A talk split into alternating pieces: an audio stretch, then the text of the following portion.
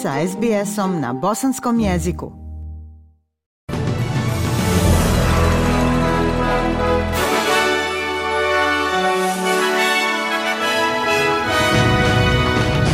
današnjim vijestima za 10. oktobar poslušajte. Izraelski premijer upoređuje militante Hamasa sa islamskom državom. Milijarde ljudi bi se mogle boriti za preživljavanje zbog vrućina, kaže novo istraživanje klime. I u sportu, na svjetskom kupu u Berlinu Lana Pudar četvrta u disciplini 100 metara delfin. Izraelski premijer Netanjahu kaže da zločini koje je počinio Hamas tokom napada na Izrael odslikavaju one koje je počinila grupa Islamska država.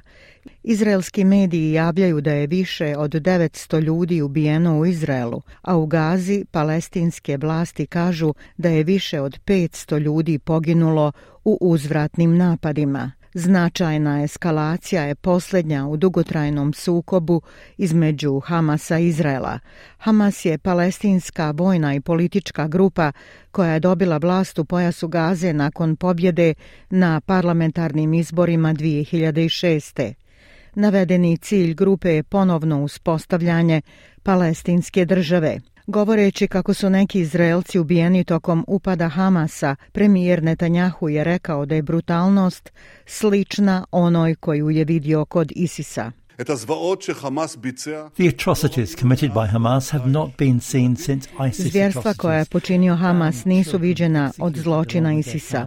Vezana djeca pogubljena zajedno s njihovim familijama. Mladići i djevojke upucani u leđa, pogubljeni. Ostale užase neću opisivati. Uvijek smo znali ko je Hamas. Sada cijeli svijet zna. Hamas je ISIS i mi ćemo ga pobijediti kao Baš kao što je prosvjećeni svijet pobjedio ISIS, ovaj podli neprijatelj htio je rat i dobit će rat.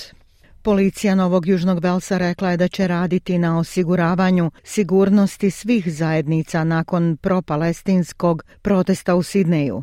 Stotine ljudi marširalo je od vječnice do opere u znak protesta zbog toga što su jedra kultne zgrade osvjetljena plavim i bijelim bojama u znak podrške Izraelu. Premijer Novog Južnog Velsa Chris Mins osudio je protest tvrdeći da demonstranti slave nasilje. Pomoćnik komesara policije Novog Južnog Velsa Tony Cook potvrdio je da je jedan čovjek koji je držao izraelsku zastavu uhapšen i uklonjen sa protesta zbog svoje sigurnosti i sprečavanja kršenja mira.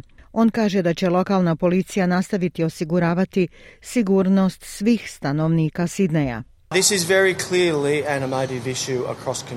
Ovo je vrlo jasno emotivan problem u cijeloj zajednici. Nastavljamo raditi u svim zajednicama. Ovo je Novi Južni Vels. Ne očekujemo da ljudi donose sukobe sa drugih mjesta na ulice Sidneja.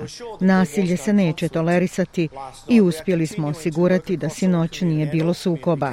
Nastavljamo s radom u cijeloj zajednici koja može biti sigurna da ćemo to činiti i dalje. Odbor Senata je predložio da Savezna vlada uskrati dodatne letove Qatar Airwaysa za Australiju kako bi zaštitila interese Kvantasa. Komitet je preporučio vladi da odmah preispita odluku da se Katar uskrati 28 dodatnih nedeljnih letova u zemlji. Zaključeno je da je vlada odbila zahtjev Qatar Airwaysa da zaštiti Kvantasov tržišni udio i zadrži visoke cijene avionskih karata. Predsjedavajuća istrage senatorica Bridget McKenzie rekla je za Kanal 7 da želi pozvati premijera da se pojavi pred istragom. Važan dokaz uh, naše komisiji bio je u januaru.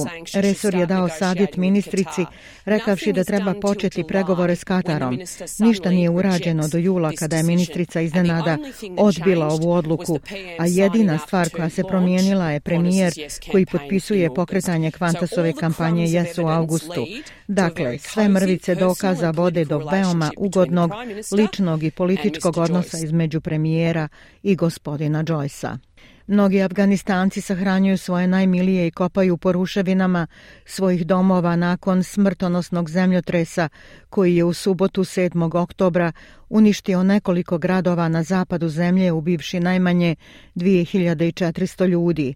Potres magnitude 6,3 bio je najgori potres koji je pogodio regiju u posljednjih nekoliko godina, a pratilo ga je osam snažnih naknadnih potresa. Afganistanska spasilačka služba pokušava izvući preživjele i tijela ispod ruševina u sjeverozapadnom gradu Heratu i okolnim selima. Jedna stanovnica Herata kaže da izgubila svoje unuke u katastrofi. My Moja dva unuka su mrtva, tamo su sahranjeni. Izgubila sam cijeli život, sve je pod ruševinama. Ovdje je jako hladno. Molim se Bogu da prođe ova situacija. Novo istraživanje tvrdi da bi se milijarde ljudi mogle boriti da prežive u periodima smrtonosne vrućine u ovom stoljeću kako temperature rastu. Studija je razmatrala različite scenarije zagrijavanja zbog klimatskih promjena uzrokovanih ljudskim djelovanjem i modelirala koliko bi dana potencijalno globalna populacija bila izložena smrtonosnim vrućinama. Svijet se već zagrijao za oko 1,2 stepena iznad predindustrijskih pro prosjeka zbog proizvodnje i sagorijevanja fosilnih goriva. Klimatolog Daniel Večelo kaže da je važno da nastojimo održavati temperature što je moguće niže. Uh, Otkrili smo da pri zatopljenju od oko 2 stepena Celzijusa vidimo veliki porast na Oko tri četvrtine milijarde ljudi koji su svakog ljeta izloženi jednonedeljnim nepopravljivim temperaturama. Kada dođete do porasta oko tri stepena, tu vidimo pojavu ovih temperatura u trajanju od mjesec dana.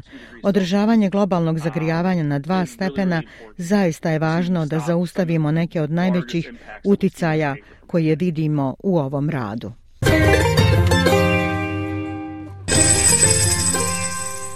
Prema kursnoj listi australski dolar danas vrijedi 0,64 američkog dolara, 0,60 eura, 0,52 britanske funte te 1,19 bosanske konvertibilne marke.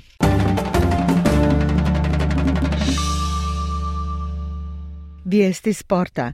Najbolja bosansko-hercegovačka plivačica Lana Pudar u finalu trke na 100 metara delfin na svjetskom kupu koji se održava u Berlinu osvojila je četvrto mjesto. Tom prilikom zabilježila je vrijeme od 58 sekundi i 28 stotinki. Nekoliko dana ranije Lana je u Berlinu na trci 200 metara delfin osvojila treće mjesto.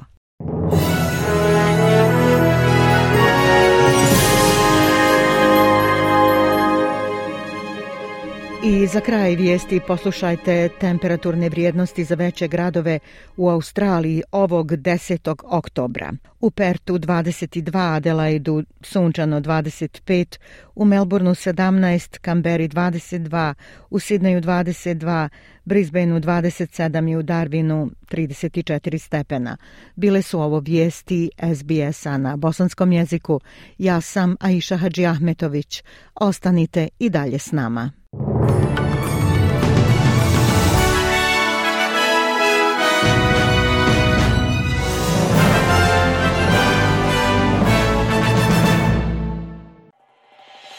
SBS na bosanskom.